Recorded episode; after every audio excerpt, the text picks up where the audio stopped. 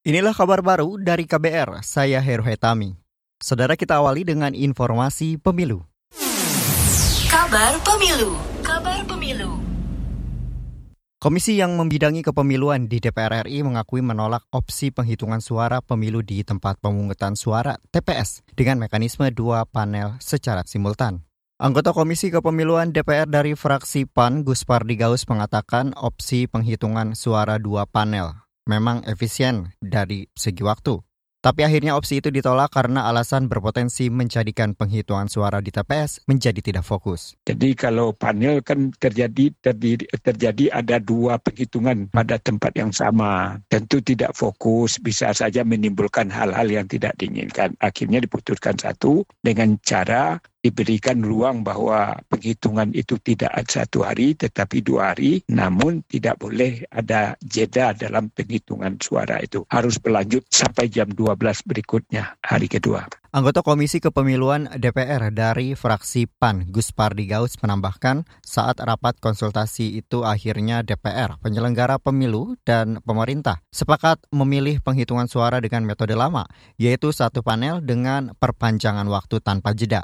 Sebelumnya KPU menyebut sudah mencari cara untuk mengurangi beban kerja petugas KPPS dalam penghitungan suara pemilu, yaitu menggunakan metode dua panel. KPU menilai metode ini bisa mengurangi kelelahan petugas KPPS, namun metode ini ditolak DPR. Kementerian Kesehatan mencatat ada 27 kasus petugas KPPS meninggal diduga kelelahan selama proses pemilu hingga penghitungan suara. Sedangkan ratusan petugas sakit dan harus menjalani rawat jalan maupun rawat inap.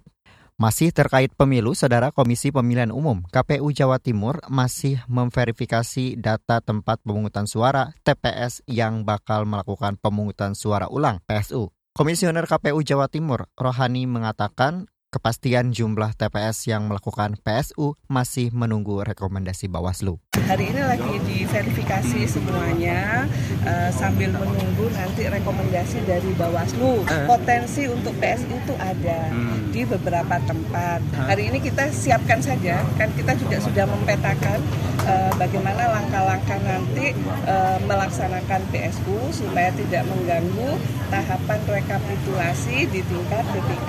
Komisioner KPU Jawa Timur Rohani menjelaskan pemungutan suara ulang dilakukan karena saat di TPS ada orang menggunakan hak pilihnya padahal tidak masuk daftar pemilih tetap atau daftar pemilih tambahan. Dari data sementara, dari total lebih 120 ribu TPS di Jawa Timur, ada 23 TPS berpotensi melakukan pemungutan suara ulang dan 5 TPS berpotensi melakukan pemungutan suara lanjutan atau PSL.